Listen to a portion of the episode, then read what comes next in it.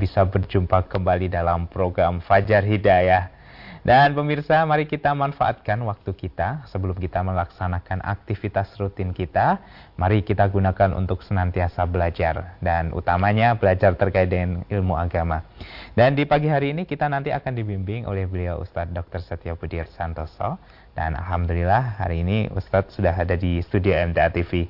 Langsung saja kita sapa. Assalamualaikum warahmatullahi wabarakatuh. Waalaikumsalam warahmatullahi wabarakatuh. Bagaimana Ustadz kabarnya hari ini? Ya, Alhamdulillah baik. Alhamdulillah. Semoga senantiasa diberikan kesehatan ya Ustaz ya. ya. Amin. Ya, dan juga untuk para pemirsa semoga hari ini dalam keadaan baik, sehat pula sehingga bisa memanfaatkan apa yang diberikan Allah ini untuk mengoptimalkan ibadah kita kepada Allah Subhanahu wa taala. Dan di pagi hari ini kita nanti akan belajar tentang apa ini Ustaz? Uh, penyakit fisik terutama ya. yang berhubungan dengan lingkungan. Hmm. Uh, nanti tentang sampah tempat okay. tempat sampah. Baik, ya. salah satu bentuk uh, ikhtiar kita supaya iya. sebagai manusia itu tidak mengganggu lingkungan ya Ustaz ya. iya. ya. Dan bagaimana sikap seorang yang beriman terhadap lingkungan kita. Iya. Ya, baik. Di kesempatan kali ini kita nanti juga akan berikan waktunya untuk para pemirsa yang akan bertanya silahkan disampaikan kepada kami di 02716793000 atau melalui line SMS dan WA di 08112553000. Baik, pertama kita akan dengarkan terlebih dahulu mukadimah dan penjelasan Ustaz terkait dengan tema hari ini. Silakan iya. Ustaz. Assalamualaikum warahmatullahi wabarakatuh. Alhamdulillah nahmatuhu wa nasta'inuhu wa nastaghfiruh wa na'udzu billahi min syururi anfusina wa min sayyiati a'malina. May yahdihillahu fala mudhillalah wa may yudlil fala hadiyalah asyhadu an la ilaha illallah wa asyhadu anna muhammadan abduhu wa rasuluhu. Amma ba'du. Qala wa azza wa jalla a'udzu billahi minasyaitonir rajim wa idza maritu fa huwa yasfin Alhamdulillah pada pagi hari ini kita masih banyak diberikan kenikmatan Allah. Kita diberikan kesempatan diberikan kehidupan diberikan waktu untuk memperbaiki diri dan juga kita diberikan kesehatan. Insya Allah pada pagi ini kalau kita bisa mendengarkan Fajar Hidayah kita bisa melihat MTA TV para pemirsa TV maka kita masih diberikan kesehatan sehingga mari kita manfaatkan kesehatan tadi di jalan yang baik di jalan yang benar kita manfaatkan semaksimalnya sehingga hidayah masuk kepada kita dan kita mendapat keselamatan di dunia dan di akhirat. Pada pagi hari ini saya masih uh, mengulang tentang penyakit uh, yang disebabkan oleh penyakit fisik ya. Jadi sudah saya sampaikan di Undang-Undang Nomor 36 tahun 2009 itu penyakit itu bisa dilihat dari penyakit fisik, juga penyakit mental, juga penyakit uh, sosial dan yang terakhir penyakit spiritual. Jadi kalau kita lihat dari penyakit itu maka berbagai macam penyakit itu nanti akan kita bicarakan satu persatu. Yang pertama penyakit fisik. Penyakit fisik itu istilah saya kita rasakan hanya di dunia saja selama kita hidup itu. Jadi penyakit fisik itu penyakit kecil, penyakit ringan. Ya, kalau kita sudah mati penyakit fisiknya sudah hilang. Tapi nanti di akhirat akan kita pertanggungjawabkan kalau kita punya penyakit spiritual. Jadi penyakit-penyakit spiritual tadi uh, membawa kehidupan sampai di akhirat nanti. Tapi penyakit fisik mari kita usahakan untuk tidak ada, untuk sehat secara fisik dengan berbagai macam cara. Nah, penyakit fisik sendiri itu dipengaruhi oleh empat hal. Yang pertama karena lingkungan, jadi ada penyakit fisik yang penyebabnya karena lingkungan. Yang kedua karena perilaku, ya, karena perilakunya manusia tadi mempengaruhi penyakit fisik. Yang ketiga karena pelayanan kesehatan, ya, adanya pelayanan kesehatan baik bidan, baik perawat, baik dokter, atau mungkin dokter spesialis, atau mungkin oh, profesor ahli uh, itu mempengaruhi Ya, di suatu daerah kalau ada ahli kesehatannya itu tentu uh, secara uh, umum masyarakatnya terjaga dari segi kesehatan. Jadi kalau tidak ada ya di daerah terpencil, daerah yang tradisional sama sekali nggak ada perawat, nggak ada bidan, apalagi dokter, tentu masyarakat itu masyarakat tradisional sehingga penyakit itu tidak dipahami juga pengobatan tidak pahami. Yang terakhir karena keturunan atau genetika. Jadi ini penyakit itu kalau penyakit keturunan memang agak berat nanti, sulit nanti karena eh, penyakitnya sudah terbawa sejak lahir sudah sejak kecil. Yang nanti kita bicarakan satu persatu. Pada pagi hari ini baru sampai pada masalah penyakit fisik. Kemarin saya terangkan tentang lingkungan fisik itu yang pertama adalah rumah. Jadi rumah itu mempengaruhi kesehatan. Jadi kalau rumahnya bagus, sehat, maka uh, dalam satu rumah tangga tadi itu sehat semua. Tapi kalau rumah itu uh, kotor, jelek, sempit, ya bising atau mungkin juga ya cahayanya tidak ada atau rumah yang tidak kuat itu akan mempengaruhi kesehatan. Ya misalnya termasuk ya misalnya ada gempa bumi, misalnya ada ada tsunami itu kalau rumahnya tidak kuat ya mudah mudah roboh akhirnya terjadi kecelakaan. Pada pagi hari ini kita bicarakan tentang sampah. Ya, sampah itu lingkungan mempengaruhi kesehatan kita. Maka memang sebaiknya kita sebagai orang Islam uh, memikirkan tentang sampah tadi. Yang utamanya kita supaya ya ada tempat sampah gitu. Ada rumah itu mestinya di diberi fasilitas namanya tempat sampah. Rasulullah pun memberi pelajaran buanglah dari sampah atau duri dari jalan. Sesungguhnya hal demikian itu termasuk pada sedekah atau sangkalan. Jadi, jadi perlu tempat sampah. Jadi kalau buanglah sampah, buanglah duri dari dari jalan itu ada termasuk sedekah. Kemudian di hadis yang lain ya, hadis Tirmidzi bersihkanlah pekaranganmu, janganlah rumah kotor seperti rumahnya orang-orang Yahudi. Jadi kita diberi pelajaran oleh Rasulullah bahwa di ini hadis Tirmidzi ya, bersihkanlah pekaranganmu, janganlah rumahnya kotor seperti orang-orang Yahudi. Di hadis yang lain, sesungguhnya Allah itu benci kepada orang-orang yang kotor dan kusut yang tidak beraturan. Karena tempat yang kotor atau tutup merupakan tempat sarangnya lalat, nyamuk, kuman, dan lain-lain. Hadis riwayat Bukhari, eh. Kemudian sesungguhnya Allah itu baik menyukai kebaikan. Allah itu bersih menyukai kebersihan. Allah itu pemurah menyukai kemurahan. Allah itu dermawan menyukai kedermawanan. Maka bersihkanlah halaman pekaranganmu. Hadis riwayat Tirmidzi. Sehingga perlu ada halaman yang bersih. Sehingga selalu eh, selalu disapu, perlu sampahnya dibersihkan. Maka kita ya, di rumah itu ada tempat tempat sampah. Memang yang namanya sampah itu berbagai macam ya jenis-jenis sampah macam-macam. Contohnya berdasarkan sumber sampahnya, ada yang sampah itu dari sampah alam, ada yang sampah itu dari sampah manusia, dari rumah tangga, perkantoran, mungkin juga pertambangan, mungkin sampah rumah sakit itu, itu sampah. Dan ada yang sampah itu sampah nuklir, ya. ada itu sampah itu sampah industri, terutama pabrik-pabrik. Jadi berbagai macam sampah dari sumbernya.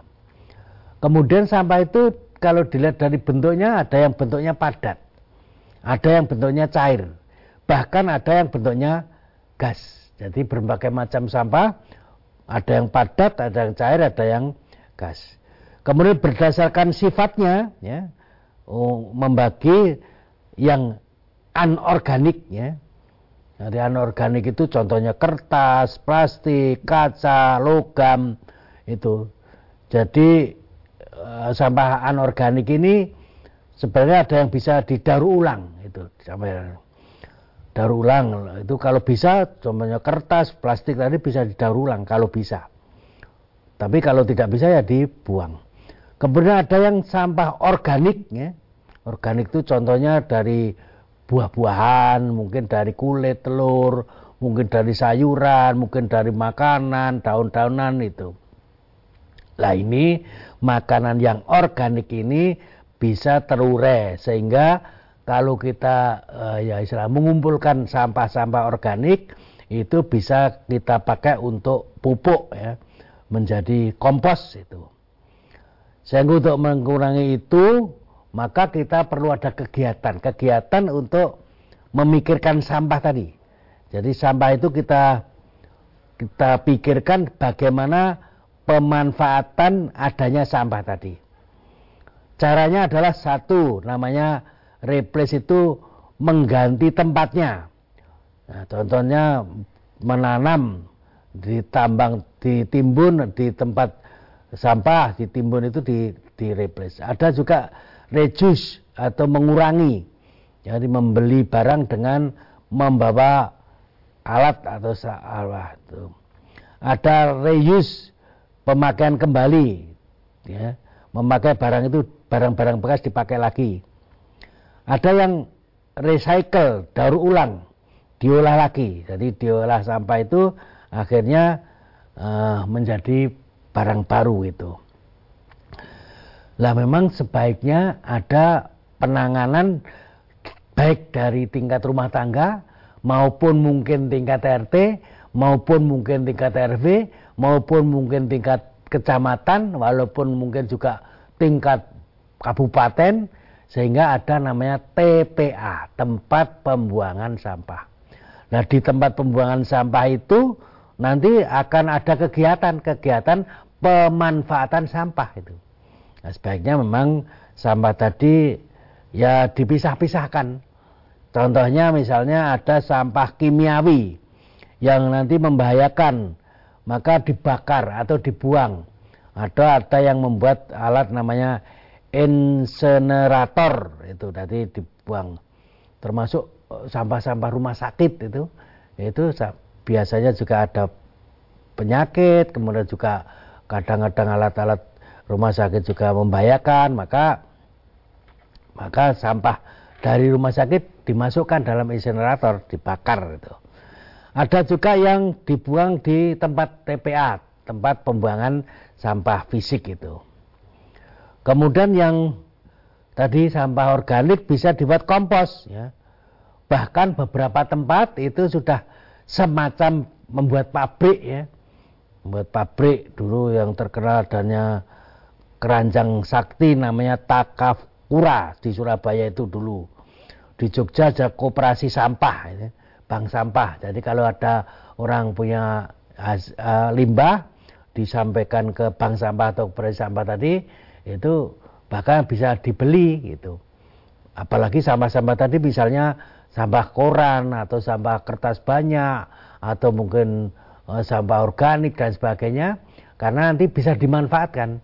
Tuh, kalau sudah dimanfaatkan berarti mendapat hasil dari sampah tadi gitu. Jadi kalau ada um, kegiatan ya kita pikirkan secara makro artinya misalkan uh, misalnya balai kota atau mungkin e, daerah sekabupaten itu kan ada tempat sampah harus ada tempat-tempat sampah nah di situ nanti dipikirkan sampah itu dipisah antara daur apa yang organik dan anorganik kalau yang uh, organik misalnya tadi dipakai dibuat pupuk itu hebat bagus itu sehingga pupuk-pupuk itu kalau pupuknya organik kan Eh, tanamannya juga sehat, tanamannya juga baik gitu.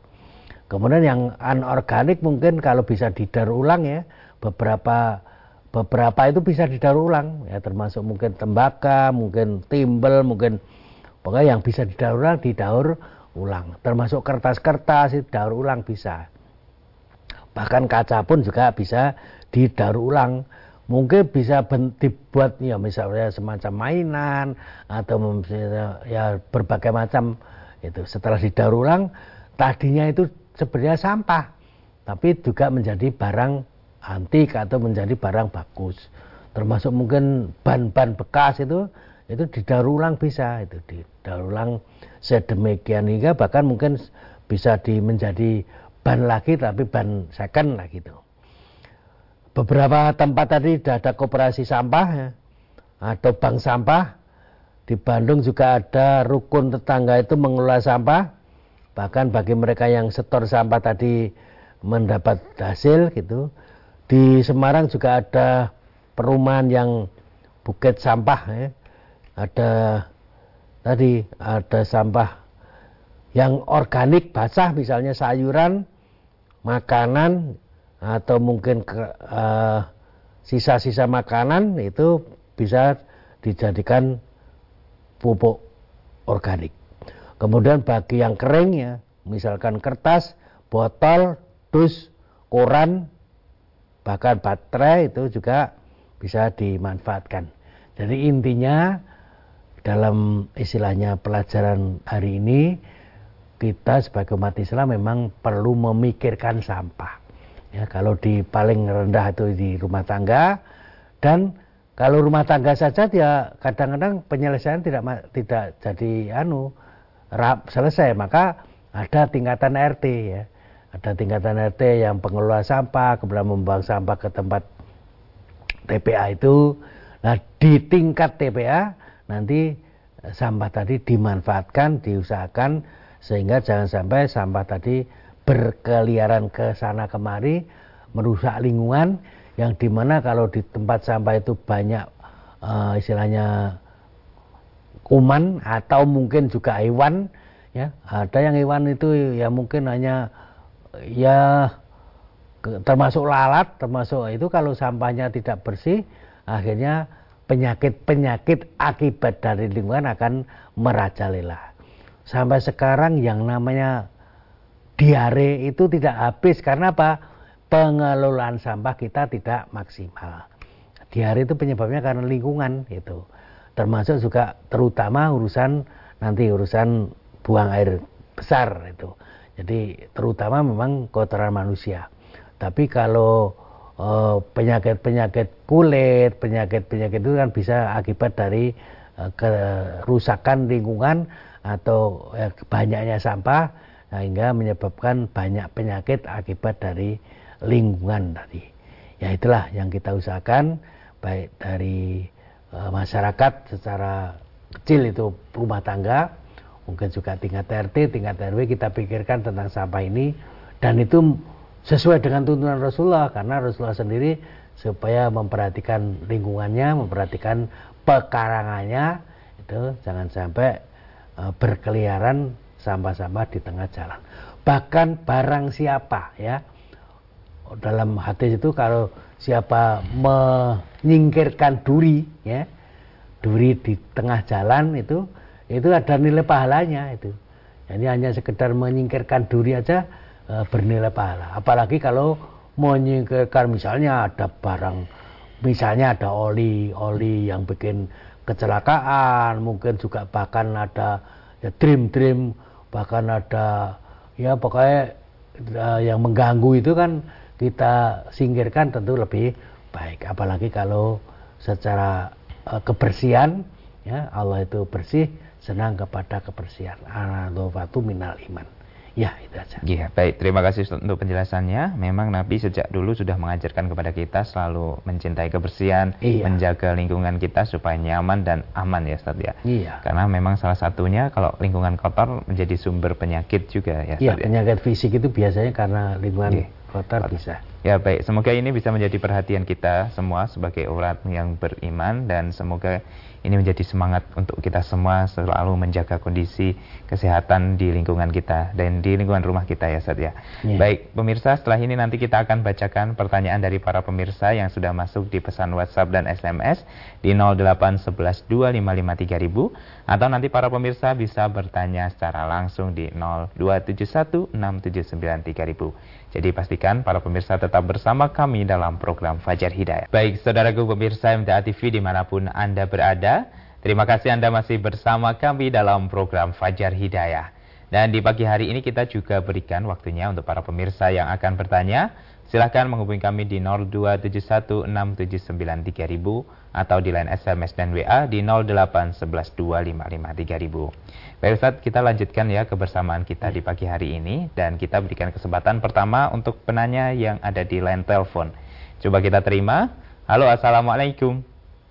Waalaikumsalam warahmatullahi wabarakatuh. Baik, dengan siapa dan dari mana ini? Dengan Ibu Sri di Pacitan. Ibu Sri di Pacitan. Baik, silahkan Ibu Sri pertanyaannya.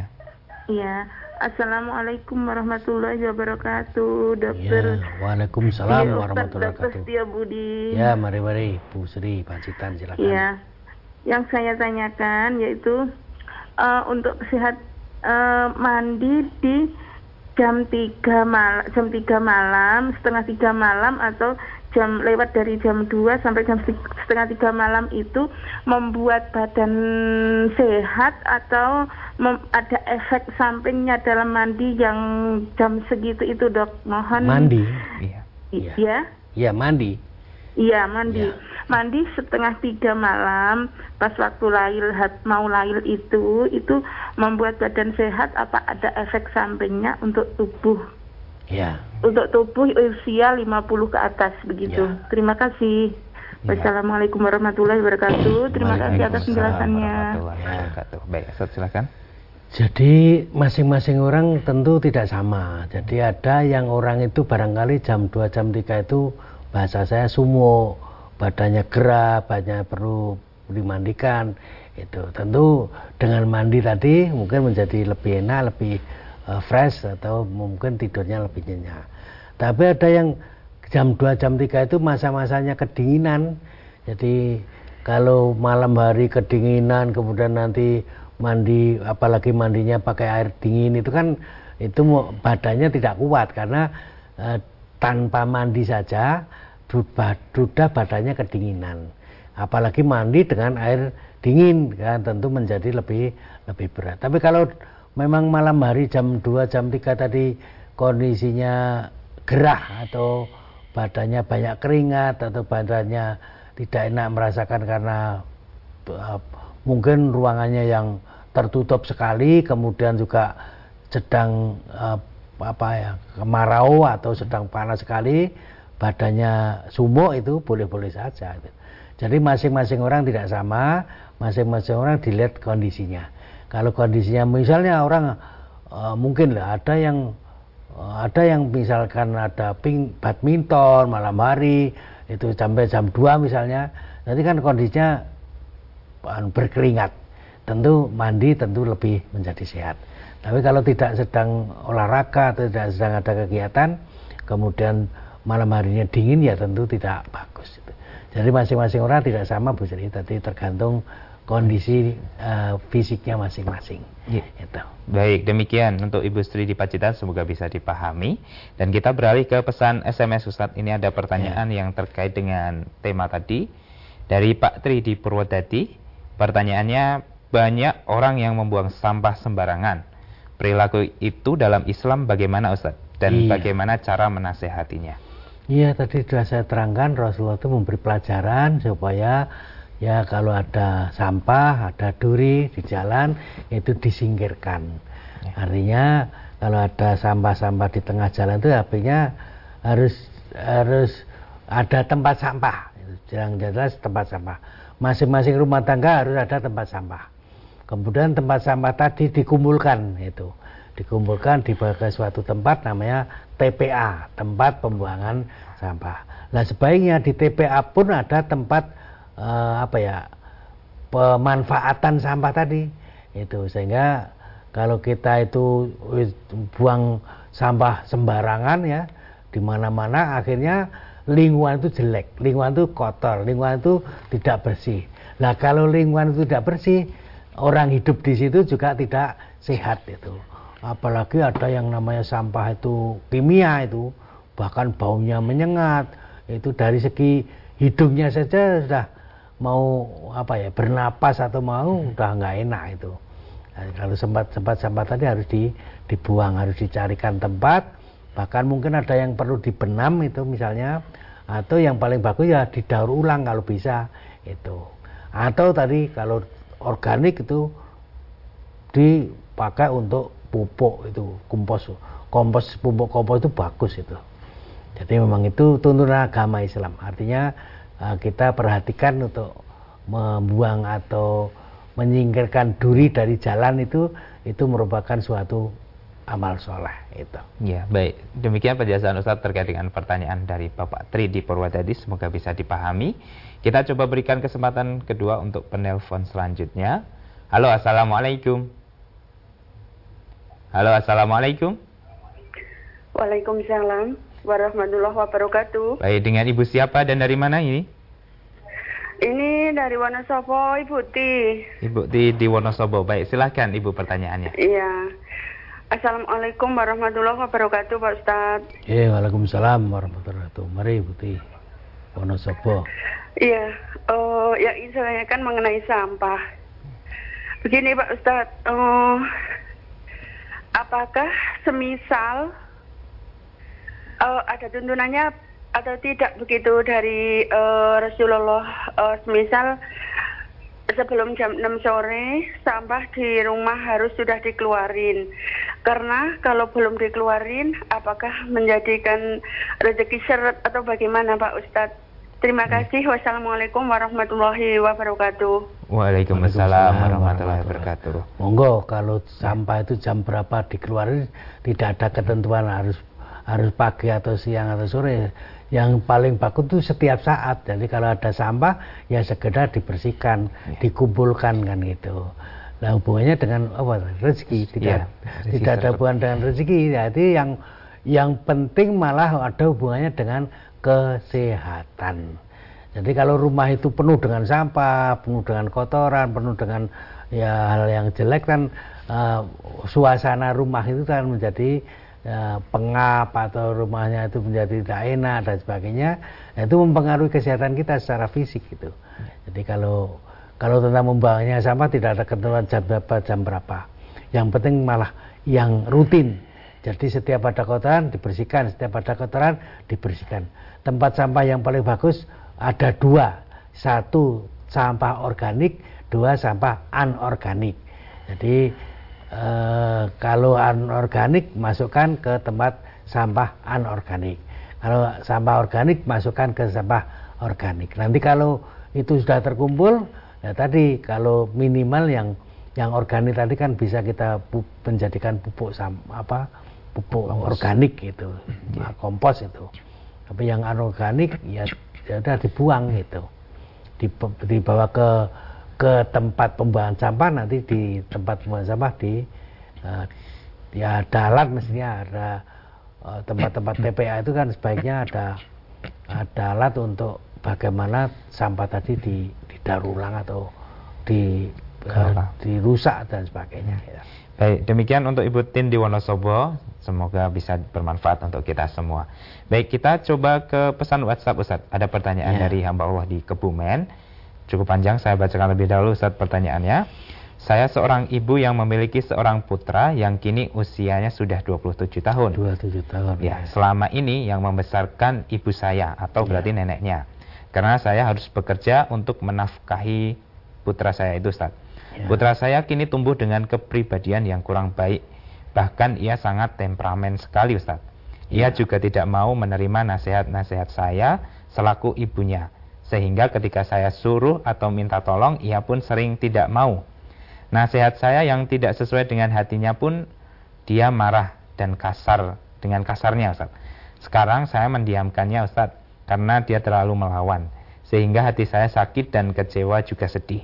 Mohon hmm. solusinya Ustaz. Terima ya. kasih.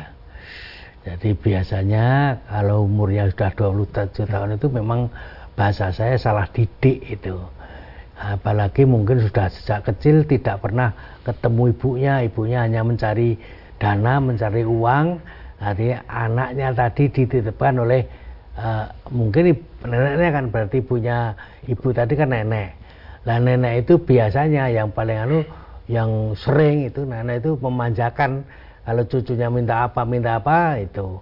Bahkan mungkin cucunya berbuat salah pun tidak berani menegur akhirnya berpanjang-panjang dan yang paling penting memang urusan adalah urusan uh, ilmu agama Jadi kalau tidak dibekali ilmu agama orang itu durhaka kepada orang tua ya enteng saja, enak saja, tidak merasa salah itu.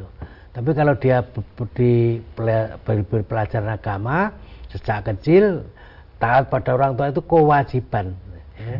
Jadi menghormati orang tua adalah kewajiban. Kalau sekarang sudah terlanjur ya sudah semaksimalnya bagaimana kalau bisa loh lewat nenek tadi nenek tolong anak saya yang itu kalau bisa diajak ngaji diajak ke tempat-tempat pengajian supaya mendapat pelajaran uh, agama. Nanti kalau mendapat pelajaran agama nanti tentu akan disinggung birul walidain adalah kewajiban uh, berbakti pada orang tua kewajiban. Barang siapa yang tidak mentaati orang tua itu duraka itu kan uh, dari pelajaran agama nah kalau kita anak kita tidak kita didik ya tentu akibatnya ya seperti itu kan gitu. Apalagi ibu tidak mendidik anaknya sendiri tapi diserahkan kepada nenek. Nah nenek sendiri kadang-kadang ya karena memanjakan cucu kemudian juga tidak berani menegur atau juga tidak memberikan pelajaran akhirnya tumbuh anak tadi menjadi berani kepada orang tua durhaka pada orang tua.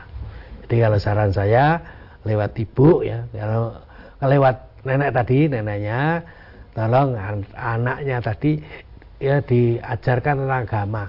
Tuh kalau lewat nenek sudah bisa ya syukur. Kalau tidak bisa ya diajak ke tempat-tempat pengajian sehingga nanti anak tadi ngerti tentang agama ngerti tentang kewajiban kepada orang tuanya sehingga tidak deraka kepada orang tuanya. Yeah. ya. Baik, demikian semoga bisa menjadi perhatian kita semua ya Ustaz ya.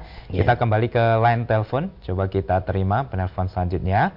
Halo, Assalamualaikum. Halo, Assalamualaikum. Waalaikumsalam warahmatullahi wabarakatuh. Baik, dengan siapa dan dari mana ini? Dari Palembang. Ya. Hadi. Bapak Hadi di Palembang, silahkan Pak Hadi pertanyaannya. Assalamualaikum warahmatullahi wabarakatuh, Pak Ustaz. Waalaikumsalam. Waalaikumsalam warahmatullahi wabarakatuh. Sini Pak Ustaz, saya mau tanya masalah sedekah. Ya, sedekah. Di tempat saya, pada umumnya mereka itu yang diperbanyak itu sedekah-sedekah sunnah atau sedekah mutlak daripada sedekah wajib atau zakat bahkan tidak nampak dan namanya zakat yang saya tanyakan apakah amalan-amalan tersebut termasuk amalan yang fata morgana Mohon penjelasannya Pak Ustaz. Ya. Terima kasih. Wassalamualaikum warahmatullahi wabarakatuh. Waalaikumsalam warahmatullahi wabarakatuh. Baik. Ya, Di tempatnya Pak Hadi banyak sekali yang lebih menekankan pada sedekah sunnah saat ya. dibandingkan dengan sedekah wajibnya seperti zakat dan lain sebagainya. Ya. Apakah ini termasuk ke dalam amalan-amalan yang fata morgana seperti iya. itu? Kalau itu memang disunahkan dan memang kita uh, istilahnya perhatian mengeluarkan sedekah untuk sunnah ya bagus itu. Artinya bukan fata morgana karena memang sedekah itu dibolehkan gitu. Memang yang namanya uh, wajib adalah zakat. Lah mengapa tidak mengeluarkan zakat? Karena tidak paham. Dan pada umumnya memang yang namanya zakat itu adalah ya ada nisab dan ada haul itu yang umumnya.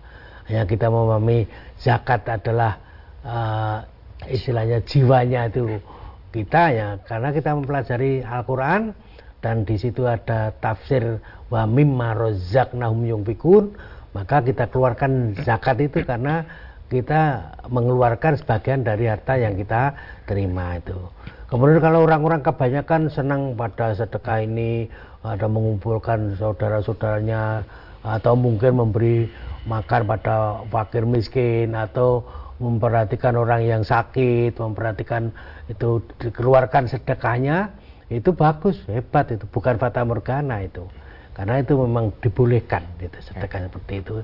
Hanya kalau tidak memberikan wajib tadi karena tidak paham atau atau keyakinannya kalau sedekah wajib tadi atau zakat itu nanti kalau sudah sampai pada uh, nisab atau mungkin juga waktunya whole itu tadi sudah satu tahun itu tadi karena keyakinannya pelajaran seperti itu ya sudah lumayan bagus itu. Iya baik. Ya.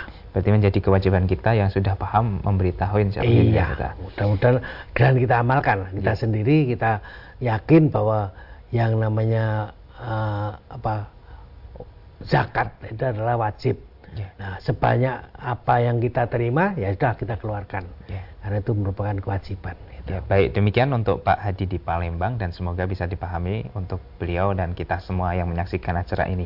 Kita kembali ke pesan WhatsApp Ustaz, ada pertanyaan dari Pak Sujadi di Jambi. Ya. Pertanyaan terkait dengan mohon dijelaskan Quran surat kelima ayat 44 yang artinya janganlah kamu menukar ayat-ayatku dengan harga yang murah atau sedikit. Yang seperti ini maksudnya seperti apa Ustaz? Ya, ini terutama ditegur kepada orang Nasrani dan Yahudi ya. Karena di dalam Taurat pun sudah ada ketentuan itu dan mungkin diingatkan terutama kepada rohib-rohib mereka. Nah, kalau orang Nasrani Yahudi itu kepada rohib, tentu kalau orang Islam terutama kepada uh, ulama-ulama ya, terutama pada kiai-kiai pimpinan agama itu. Memang di antara rohib tadi ada yang menukar atau menjual uh, menjual agama atau menjual ayat-ayat Allah dengan harga yang sedikit itu. Contohnya misalnya ya bahasanya kalau mengeluarkan fatwa itu menurut pesanan itu. Jadi kalau pesanan begini ya keluarkan fatwa sesuai dengan yang dipesan tadi. Tidak menurut ketentuan kebenaran tidak menurut dari ketentuan Allah dan Rasulnya, tapi pesanannya apa ya kita keluarkan. Karena di sini orang senang judi ya kita keluarkan, oh judi itu nggak apa-apa. Wong itu merupakan mencari nafkah, itu kan menyenangkan orang. Padahal itu jelas pelajaran itu salah itu. Jadi jangan sampai dicampur adukan antara mencari nafkah dengan berjudi kan gitu. Jadi atau mungkin termasuk perzinaan perzinaan itu nggak apa-apa dan sebagainya. Nanti banyak ya terutama eh, tokoh-tokoh dulu namanya rohib-rohib mereka itu memberi pelajaran menjual agama dengan harga yang sedikit. Termasuk mungkin kalau di kita dai-dai kita itu ya ceramah misalnya yang dicari bukan memberi pelajaran bukan berdakwah tapi yang dicari adalah bahasanya uang misalnya. Wah, tarifnya sekian tarifnya sekian saya dapat hasil dari berdakwah saya bukan men, me, menyampaikan kebenaran, bukan memberikan pelajaran agama yang paling bagus, hmm. maka ceramahnya sesuai dengan pesanan. Menyesuaikan di sini umumnya bagaimana, kebiasaan di situ bagaimana, misalnya di situ ada kegiatan sirik, bahkan mungkin diundang pengajian akbar dalam rangka perbuatan sirik pun didatangi karena itu ya tadi mendapat uang dan sebagainya. Atau mungkin juga ada di antara kita itu misalnya dalam hal mencari pekerjaan itu. Mencari pekerjaan kemudian peraturan pabriknya itu misalnya loh ini seorang wanita di situ pabriknya membuat peraturan dalam pekerjaan ini tidak diperbolehkan memakai kerudung, tidak diperbolehkan memakai jilbab itu. Nah, ibu tadi karena untuk dalam rangka mencari mencari uang ya. Oh ya udah nggak apa-apa. Saya lepas kerudung nggak apa-apa. Jadi karena dalam rangka mencari uang. Itu namanya juga menjual agama atau menjual dengan harga yang sedikit ya. jadi urusan akhirat urusan agama ditukar dengan hal yang duniawi ya sepele itu. Namanya juga uh, menukar atau ya itu tadi menukar ayat-ayat Allah dengan harga yang sedikit. Padahal urusan dunia itu urusan kecil. Tuh, jadi kadang-kadang di antara kita mementingkan urusan dunia melupakan urusan akhirat. Jadi kalau orang mementingkan urusan dunia melupakan akhirat itulah juga menukar ayat-ayat Allah dengan harga yang sedikit. Memang keteguran ini terutama kepada roib-roib. Tetapi itu pelajaran kepada kita, kepada umat Islam. Sehingga Jangan seperti itu, jangan seperti rohib-rohib yang hanya sekedar mencari harta, mencari kedudukan, ya. mencari keduniawian sampai melupakan akhiratnya, melupakan agamanya. Itu. Yeah. Baik, terima kasih Ustaz untuk penjelasannya dan semoga bisa dipahami untuk Bapak Sujadi di Jambi. Dan terakhir sepertinya kita harus usai sampai di sini Ustaz, ya. barangkali ada kesimpulan untuk para pemirsa ini. Ya, tadi hanya satu dua yang bertanya tentang apa yang saya sampaikan. Hmm. Pada pagi hari ini saya menyampaikan tentang penyakit fisik. Ya, penyakit fisik itu ada empat hal yang mempengaruhi, yaitu lingkungan, kedua perilaku, ketiga pelayanan kesehatan, petugas kesehatan, yang keempat penyakit karena herediter, karena keturunan. Nah kita baru bicara masalah penyakit fisik, dalam hal ini adalah penyakit karena lingkungan. Kemarin saya terangkan tentang uh, perlunya rumah sehat, yang hari ini kita terangkan tentang perlunya memelihara atau uh, menangani masalah sampah. Uh, karena sampah itu juga mempengaruhi kesehatan kita secara fisik. Maka perlu kita pikirkan sampah itu jangan sampai berserakan di mana-mana, jangan sampai kita sakit gara-gara banyaknya sampah. Ya, itu ya, baik, terima kasih Ustaz untuk penjelasannya serta nasihatnya di kesempatan kali ini. Hmm. Semoga bisa dipahami untuk kita semua. Serta jumpa lagi di akhir Ahad akad depan yang Ustaz ya, ya. dan semoga Ustaz senantiasa diberikan kesehatan. Assalamualaikum warahmatullahi wabarakatuh. Waalaikumsalam warahmatullahi wabarakatuh. Baik, saudaraku pemirsa MTA TV di mana pun Anda berada, demikian tadi telah kita ikuti dan simak bersama program Fajar Hidayah untuk edisi kali ini. Kami mengucapkan terima kasih untuk perhatian Anda dan terima kasih pula untuk segala perhatian Anda. Serta mohon maaf apabila ada pertanyaan yang belum sempat kami bacakan. Baik, akhirnya saya Wahid Arifuddin pamit undur diri. Alhamdulillahirabbil alamin. Subhanakallahumma wa bihamdika asyhadu alla ilaha illa anta astaghfiruka wa atubu ilaik. Wassalamualaikum warahmatullahi wabarakatuh.